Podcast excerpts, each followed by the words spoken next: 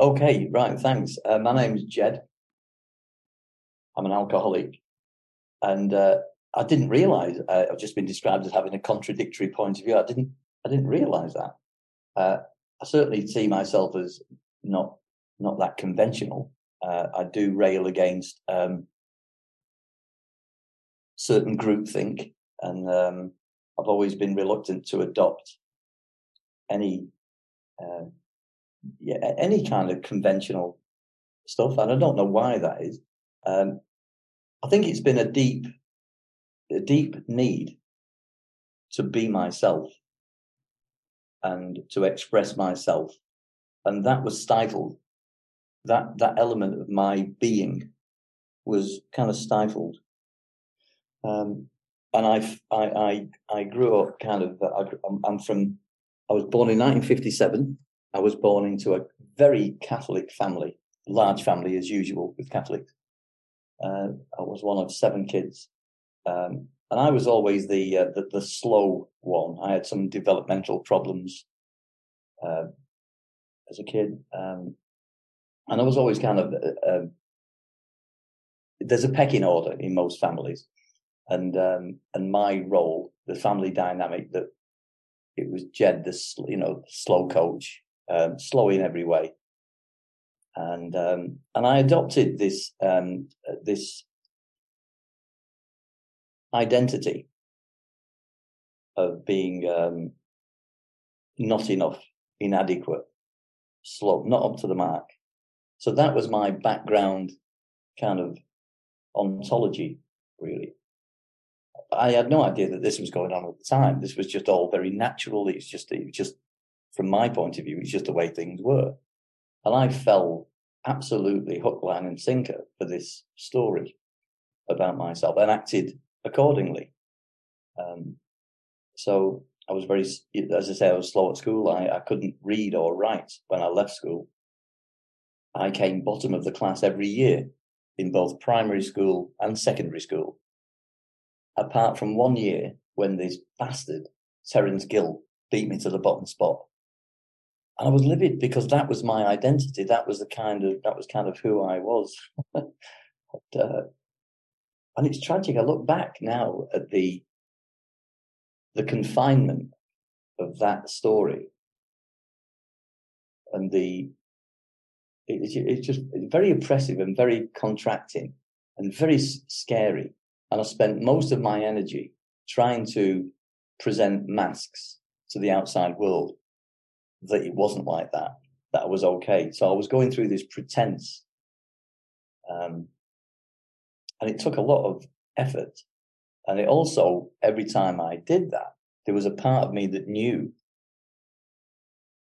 that that wasn't me. And strangely, it kind of reinforced my individual private view behind the mask. It reinforced that. So it's not like my life was without any any happiness or fun. I had a lot of good times, but this was just the background narrative that was going on. And then I remember I was my mum got sick when I was 11. She got breast cancer and uh, and it was chaos. Our family was it was chaos in our house. It really was. My mum was a complete neurotic. She was she was quite mad actually, and she was very violent. Um, but she got sick, and the the the, the family home was like um, it was an awful place. It was an awful place to be. We we got farmed out to different relatives while she was really sick to be looked after, and then we, she get she got back from the hospital, and she remained sick uh, on and off. She had uh, remissions, but she remained sick for the next uh, six, six years, and she died when I was 17. Uh, but it was it was a very very difficult family home. It was um, it was it was macabre actually. Anyway, so when I was 40, I um, I was on the way to the local youth club with my friends, and we uh, we one of my friends climbed over the back of a bottle shop. They're called off licenses in the UK, and some guy had left a crate of woodpecker cider, full bottle. And, and so we, we, we got the crate over the fence, and we all sat near the river, drinking this woodpecker cider on the way to the youth club. And it was, it was. I've said this a long. I say this every time, but it really was transformative. It really changed me in a way that I'd never experienced. It was the most free and the most. It was the opposite of this contracted self and this preoccupation with self and trying to be concerned about how others saw me. All of that was dialed down. And it, there was a sense of real freedom. And I thought mistakenly that booze gave me that freedom. I look back on it now and I see it the other way. All it did, it removed the barrier. It removed the thing that was blocking that innate freedom. I didn't see that at the time. Though. And we were in the uh, the dance hall. It was disco night. It was a like a, a community shed, and there were, it was fluorescent lights everywhere and a big disco ball, and all the girls on one side, all the boys on the other. And I wanted to dance because Otis Redding was playing. I love Otis Redding. And I just found myself, I didn't even think about it. I just found myself walking across an empty dance floor to the girls' section. And I said to this girl, Do you want to dance?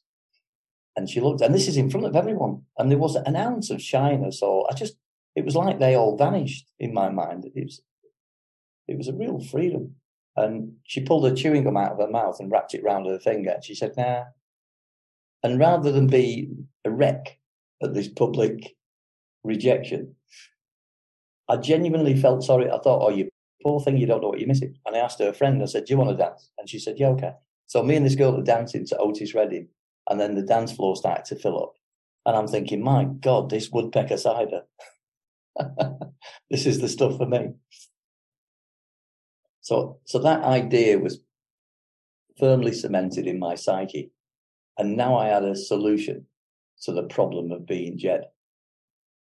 So I thought, and it really felt like. And in fact, it, in the early days, it genuinely was a, a, solution. It gave me some space to breathe and it gave me a taste. I didn't know, as I said, all of this is in hindsight, but it gave me a taste of how my life can be without this oppressive propaganda bullshit story that I had going. Um, anyway, so so uh, I left school without any qualifications. Um, um, it was a that was a it was a difficult time of life as well because mum was really sick and she was at home. Um, she was she she she she took she took a long time to die. In fact, she was dying. She should not. Be, my mother should not have been kept. She shouldn't have been kept alive. Actually, um, as long as she, not in the condition she was in. And it was, it was just awful. So I was, I was escaping. I, I and I, I felt I was escaping the family home. And I, and I felt so guilty about that.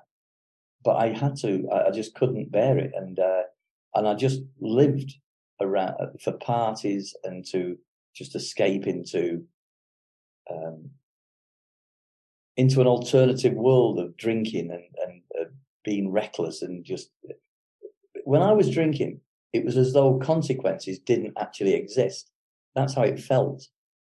I mean, I know objectively uh, they existed, but um, from a first person perspective, they were just, I became really kind of myopic and I was just kind of interested in now having a good time.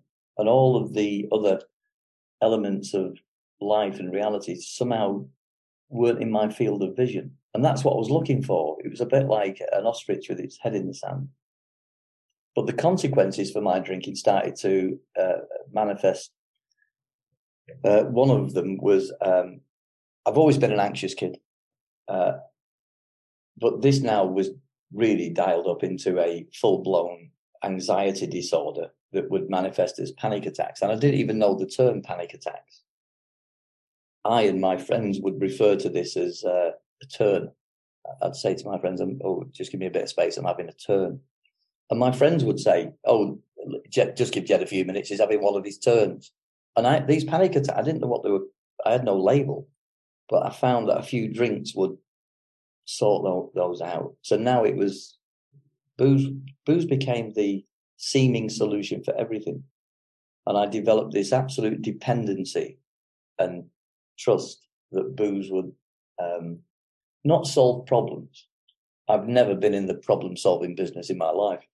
I've been in the problem avoiding business. And, um, and that's what booze was. And I kind of knew it. And also there was part of me I always knew.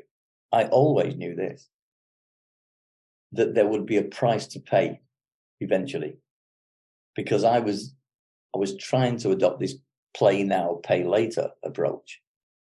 And I was trying to bullshit myself with that. But deep down, there was an intuitive part of me that knew that this was uh, not sustainable. Uh, and it certainly wasn't in my case. The uh, my, my mother died, and uh, I remember actually we lived in a cul-de-sac. We lived in a cul-de-sac, and I came home from work, and I looked at the our house, and the curtains were closed. So I knew mum had died, and she was expected to die. She'd been given, you know, we were just the doctors constantly said, "Oh, she's not going to make the weekend." They were saying that for over a fucking year. But um, but the curtains were closed, and mum had died, and I remember this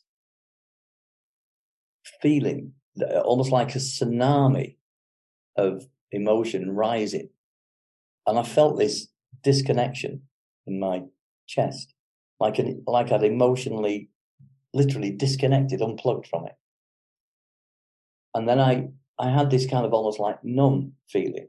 There was no emotion at all. There was nothing going on. There were just kind of thoughts without any valence of emotion. And I remember thinking, oh, h- how do I act in this situation with the word act underlined? And I walked into the house and my father met me and he embraced me and he had tears in his eyes. He said, Oh, your mum died about three hours ago. So I started to cry. And it was like it was like an Oscar performance. I had tears rolling down my face and I was crying because most of the family were crying. And I remember thinking, my God, you should be an actor as I've been doing it. And for years, for absolute years, I beat myself up for that, tortured myself. I thought, you fucking piece of work. You can't even feel the enormity of your mum's death. And I'd be, because that was part of my MO, beating myself up and uh, berating myself and ridiculing myself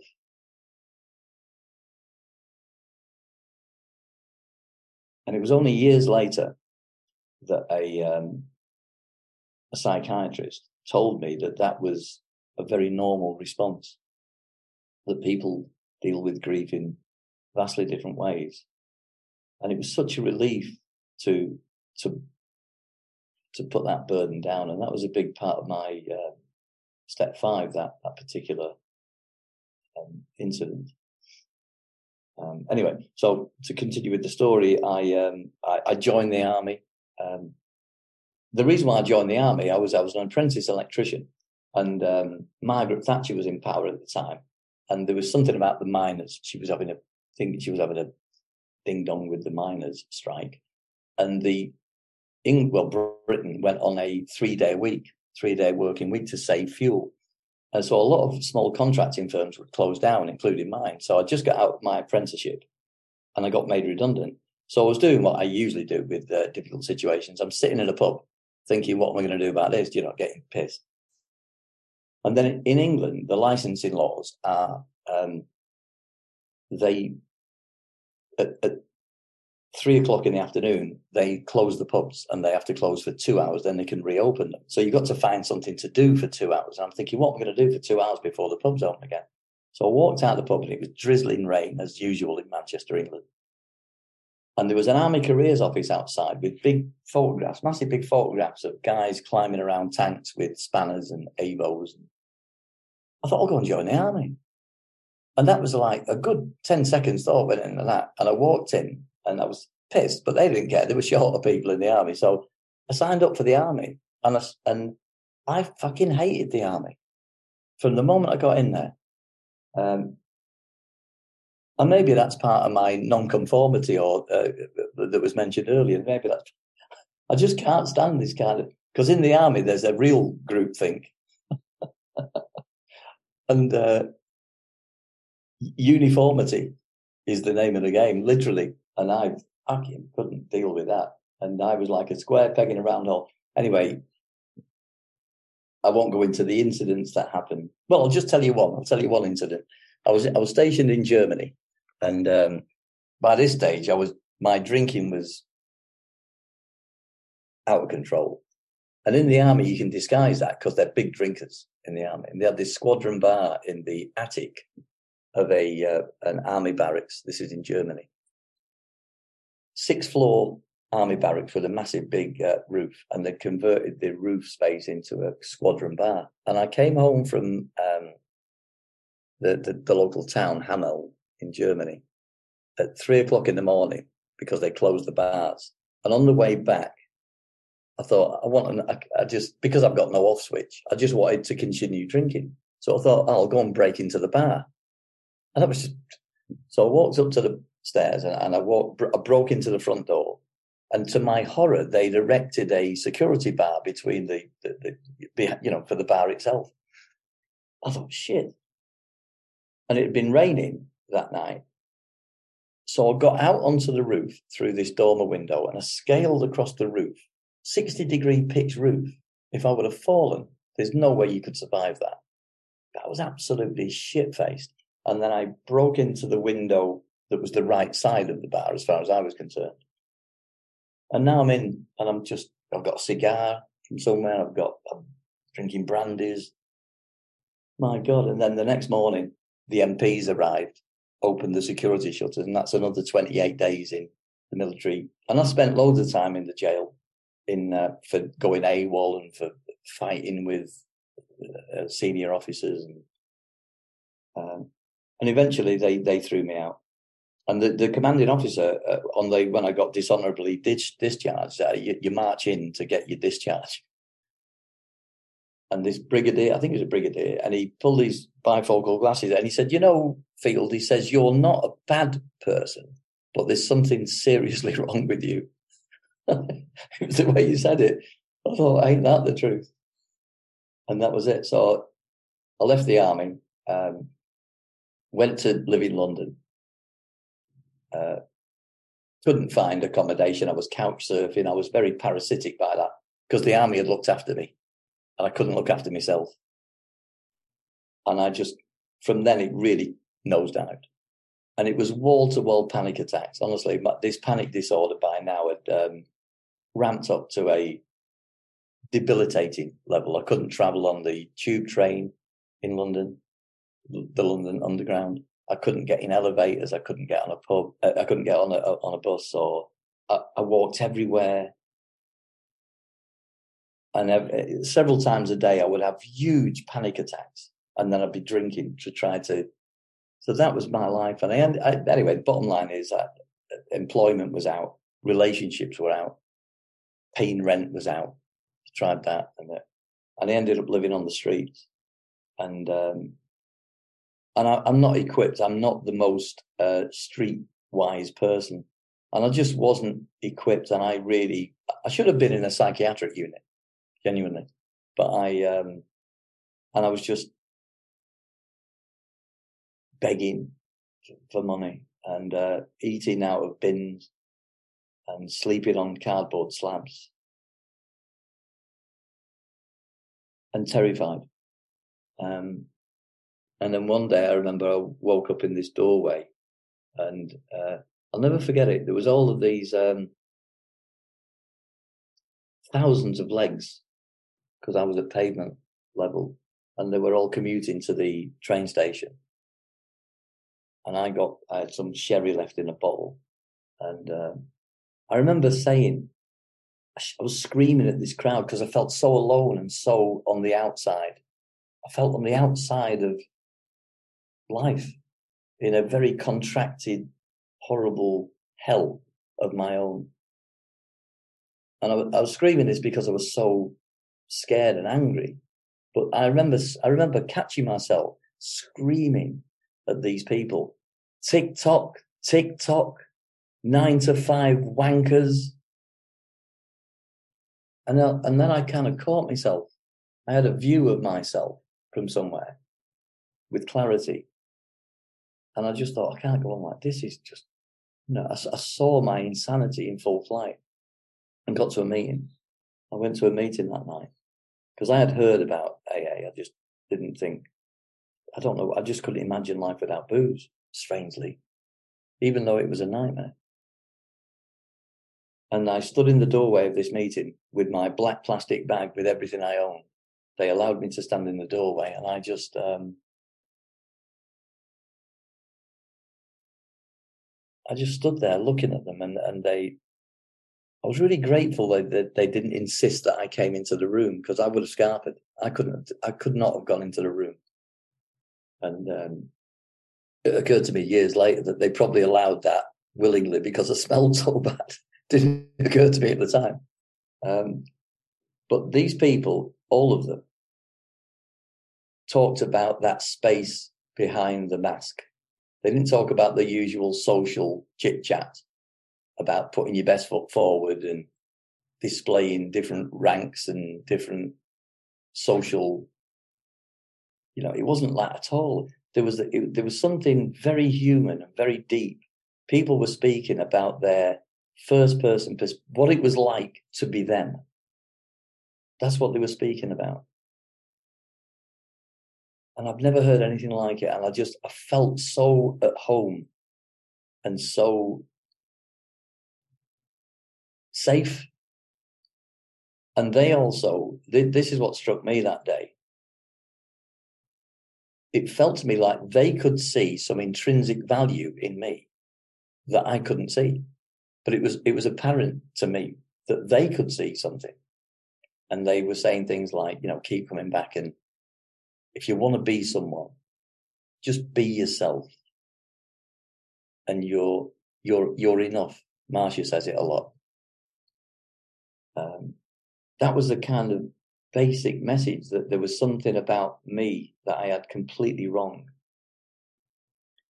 And this fella said at the end of the meeting, I asked him what it was about. He came and had a chat with me, and uh, he said, "Well, AA considers drinking a symptom of deeper troubles, and the the trick is is to deal with the symptom first. And what they mean by that is just to prioritize getting to bed tonight without a drink. In other words, separating me from booze is the first essential prerequisite and to prioritize doing that. And then he said, but the, the second phase of it is the real deal. It's about embarking on a journey inwards and getting honest and getting comfortable and accepting the fellow that was doing the drinking. And it was that bit that freaked me out. I said, fucking hell, mate. I said, anywhere but there. Because I hated myself. I would have given anything to be anybody but me. Um, this fellow became our sponsor. He was just a wonderful, wonderful man. And he's alive. He's been dead now for years, but he's alive and kicking. He's right here with me. He had some wonderful turns of phrase. He was a very funny bloke. He was a very intelligent bloke. Such a kind man. And he only ever spoke to me about his first person experience. He put me onto the pamphlet, A Member's Eye View, in that first week. And that was the first bit of AA literature I could ever really read. And I, it made me cry, and it still does. I can't read that pamphlet from cover to cover without crying. And uh, I remember the Just for Today card as well. That that was fantastic, and uh, I read that every well many times a day. And I I, I got uh, so I started to to my look changed. Uh, I think it was about five months. I think about five months after I um, got sober, a friend of mine saw me in the street. He said, Oh, I've got a letter for you, Ged, at my place. And he said, It's been there for months. So I went round and got the letter. And it, maybe four years prior to this, I'd applied for what's known as a housing association flat in London. Um, and there was a letter, and it said, A flat's become available. Would you care to go and view it? Bloody hell. So I got this flat now, and um, and I got a job, and I uh, so I've now got a base, and and this flat was located about literally forty five meters from a log from a meeting in a church, and about two months after I moved in, one of the nuns who operated the the, the, the, the building she said to me, Do any of your AA friends have a van we could borrow? Because we've got all this furniture that's been donated and we can't keep it any longer because our insurance policy has changed. So, anyway, I ended up that night with the whole meeting carrying furniture from the meeting to my flat. And it was just wonderful. About 30 people carrying. So I got, I got a cooker, I got a bed, I got sofa, curtains, pans.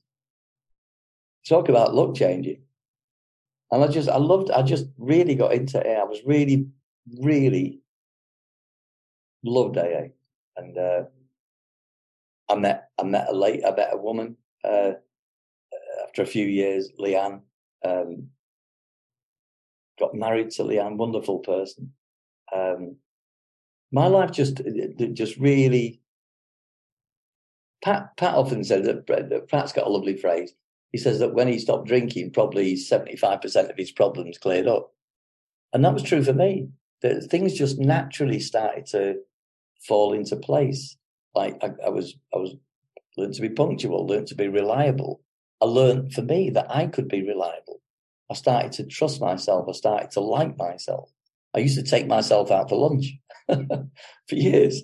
I would take myself out on my own deliberately on a Sunday and take a book or something nice and go and find a relatively cheaply priced restaurant or something. But because Raji used to say to me, get the best for yourself, Ged, because you're worth it. And if you don't believe that, you're going to be in serious trouble. So this journey for me is one of reconciliation. It's one of finding out who I really am and dropping the bullshit story about who I thought I was and recognizing that deep down, I've always been enough. That I can now see the intrinsic value in myself that those people could see. And that's not from the ego perspective, it's deeper than that. I don't know what to call it, but it's that unsuspected inner resource of. And when I'm living from that space, and when I'm cultivating that space, my life is it does the, the, the external circumstances aren't necessarily the thing that change but what changes is that i've got a capacity to deal with whatever's happening whereas the converse of that was true i felt there was a vacuum at best here and at worst i was rotten to the core. There was nothing i had in the way of agency or inner resources to deal with anything. That's why i was looking externally for a solution i.e booze. So for me aa is a way of finding that freedom that I found when I was 14 through the program, through the journey of, of honesty, open mindedness, willingness, uh, connecting, you know, and getting myself sort of getting that story dialed down so I can truly connect in the way that I truly connected in that youth club that day. I kind of disappeared. I got myself out of the way for the first time in my life but it was done chemically. The default mode network in my brain was dialed down so I could be my true self. And I think AA is about that. It's about dialing down the impediments. AA calls them defects of character. I don't like that language, but that's okay. Um, the things that impair this freedom but they feel secure. They that's the that's the elusive thing. They feel like that's where my security is. So for me, it's like an identity shift. After many years of being sober, and, and now I'm starting to get pretty well to do, at least in my case. So now I'm driving around in Mercedes and I've got myself a really big house and I'm buying and selling places in London and I'm almost breaking my arm, patting myself on the back. I'm doing that well. And now I've got another story running that I didn't realize that I've gone from Ged the loser to Ged the success. And I started uh, believing that veneer. So the, the core of me is neither of those things. The core of me is not to do with failure, success. The core of me is just fine as it is. Doesn't need any external verification or validation. But we live in a world where we're taught that propaganda endlessly, as though these things are the thing, anything that's quantifiable or measurable or showable or displayable. If my identity drifts back there in the foreground, I cut myself off from this kind of space that I'm trying to describe. Uh, a few so I wasn't working. I don't like the term working on myself either. I wasn't. I wasn't applying. Um, I, I, like the Socrates thing. The unexamined life isn't worth living. That that nails it for me. I wasn't examining myself to the extent that I had become kind of used to, and I was now externally focused on dollars or pounds in my case. Um, and then uh, my relationship with Leanne started to deteriorate. I started to get miserable. So when things weren't going well, that was like that was the, the be all and end all. So my happiness was now contingent on what was going on externally because the internal space had been neglected again. So you all know where this is leading, of course. Because I think that having a slip is a is a strange concept, and the drinking is the end of the slip. My, this is my experience. This is my history. Uh, this isn't a theory for anyone else. I'm simply telling you about me. That's all I've got to offer. My experience is that drinking is the end of a slip, and the slip happened a long time before the drink. Um, anyway, the bottom line is I started drinking, and um, it was within an hour or two, literally within an hour or two, it was horrific. It was like I re remembered with the full impact. My God, what the fuck are you doing? And the answer to that was have another drink. And I'm off again now because that's what I don't have an off switch. Now I'm kind of up and running. And I think it was about six or seven weeks later, me and Leanne were in Amsterdam of all places. And my last drink was in Amsterdam over a breakfast table. Uh, it was about 6.30 in the morning. And Leanne's trying to eat a piece of toast and drink some coffee to get on a flight back to London. And I'm, I've got this glass of scotch and I'm trying to nurse this scotch into my system so I can get on the flight because now I've got this wall to wall panic attack back. And uh, I'll never forget the look in Leanne's eyes because she knew I was an alcoholic, obviously, when I married her, you know, but she knew I was an alcoholic theoretically. And now she knew I was an alcoholic actually.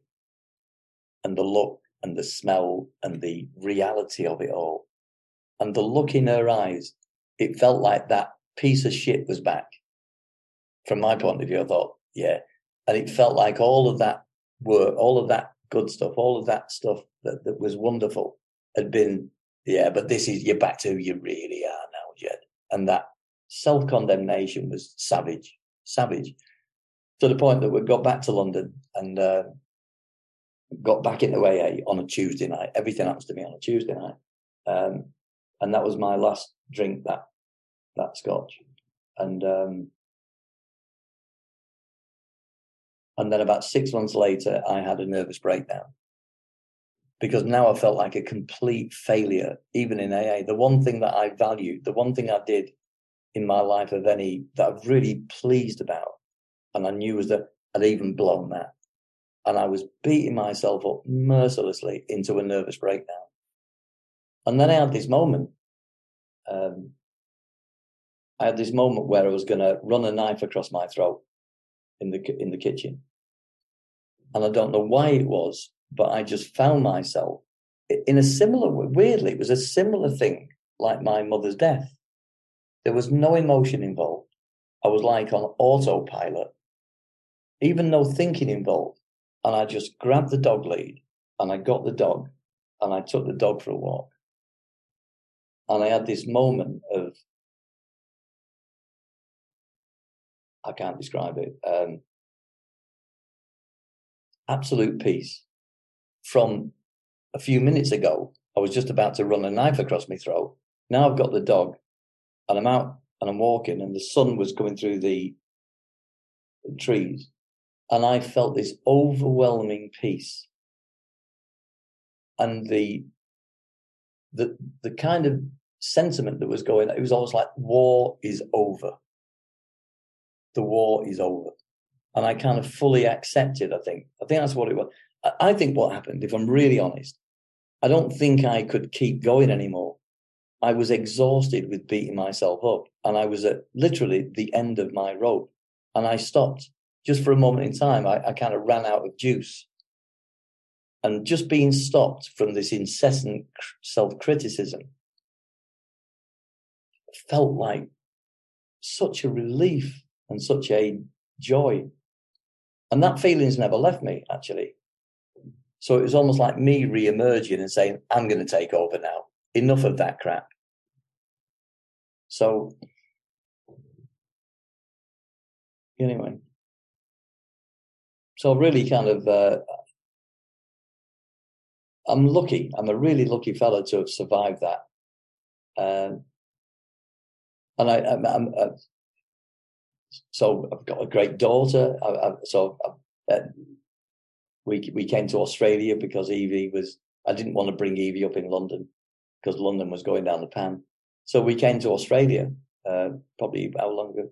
Nineteen years ago, and uh, and it was just a great move. I mean, uh, I really miss my AA friends in, in, in England, but um, and I got to Australia, and it was it's just a fantastic place. However, the AA in Australia, from my point of view, is very uh, uh, um, oppressive and and kind of insistent that it's kind of one size fits all message, and if you don't, if you're not singing from the correct hymn sheet, you don't get invited to share. And and over here in Australia, you don't share by your own volition. You have to be invited by the chairperson. So it's a way of centering people like me. so who, who sound contradictory or um, contrarian or whatever, however I sound. But um, anyway, that's a long story to go into. But uh, when I found secular groups uh, about, I don't know, a couple of years ago now, two and a half years ago, it was like it reminded me of the early days in in the eighties in London, where it was very you know if you want to be someone, be yourself, and there was a kind of uh, not just a permission but an inclusiveness of people seeing things differently and expressing things differently. I think that's the way it should be. If we're speaking about our own subjective journeys, then it's it's only right and proper that everyone expresses it differently. We've all got different journeys. And that's that's wonderful. It's not to be feared. And uh, so I'm really grateful. Uh, oh, oh I'll, I'll, just finish on this. The, the um, um, about eight years ago, Leanne decided she wanted to get a divorce, uh, and I was shattered, truly shattered by that. Um,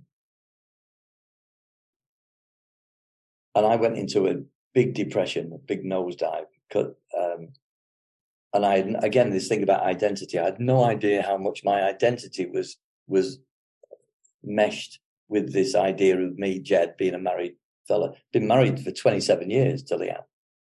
And, um, and it was a big, um, it was, it was a really big deal, really big deal. And I, I, I had to go to hospital with depression because I've had depression on and off all my life. And I was, I was in, and I was, it was as dark as could be. But there was this, um, again, how dark it is before the dawn. It's always like that with me. When I get to these real dark places, my sponsor said to me once, um, and it was when I when I came back from that relapse, and just before my nervous breakdown, I phoned him up. I phoned Mac. The guy was called Mac this time because Raja died. And it was about three o'clock in the morning, and I phoned him on speed dial. And when I went to speak, I couldn't speak. I was a because I've had some mental health problems with depression and anxiety, really severe stuff. I'm not talking about just having the blues, but genuinely bad bad news. And I couldn't speak. And Mac said these words. I've never forgotten these words because Mac had been through the ringer. He said, I'm going to take a chance that this is Ged. And I couldn't answer him. And he said to me these words He said, Ged, hold your face to the light, even if for the moment you can't see. And I don't know why, but those words were like a life raft. It was as though I knew that Mac had been to hell in his own life, and I was currently in hell. And he was like reaching in and offering me this message from the outside. And I trusted that, and it kept me going that night. Um, so I'm I'm that kind of person. I go I go really dark, and then I I have breakthroughs. Um, and Leanne and I now are fantastic friends, genuine friends. I mean, I spent, I, I, I look after her animals, her pets, and stay around there, um, dog sitting and cat sitting. And Evie, my daughter, uh, we're all we're like a a family in a different dynamic. We are the reconciliation after that difficult divorce, which was bad for 18 months, really bad. But we've, uh, so it's amazing what AA can do. AA can reconcile anything. It can reconcile we, me with myself, me with other people. Once I tune into and live from who I truly am, rather than veneer of who I think I am, there's such a confidence that I have in that. And it's greater than any confidence I had in booze. I had real confidence in booze would sort me out, and I was wrong about that. But this confidence back here is always available, always reliable. I just keep losing sight of it. And that will always be the case. That's not the problem. You know, uh, like I will continue to lose sight of it but I've got a place to return home right here. And it was all courtesy of AA because when I arrived at AA, I knew I was home. I knew it. It was the most certain thing I've ever known. And people could see that that intrinsic value that they could see in me. I can now see it. And that's a game changer. Um, uh, how long was I think I think that's about as long as I can um, speak for now. Oh, actually, let me just uh, let me just try and finish with this, if you don't mind. Uh, I'll try. And, oh, I, I wish I, oh, can find this. Um, I know I know other people have read this, uh but I, I I just think that this this for me is is the most beautiful thing it's it's it's a piece from a member's eye view, and that's why I changed my name actually to a Ged's eye view. It says here, I am personally so it's all about these uh, these the, the outside um, uh, veneer or the things that we display. Anyway, and it's it's contrasting that with the the real person.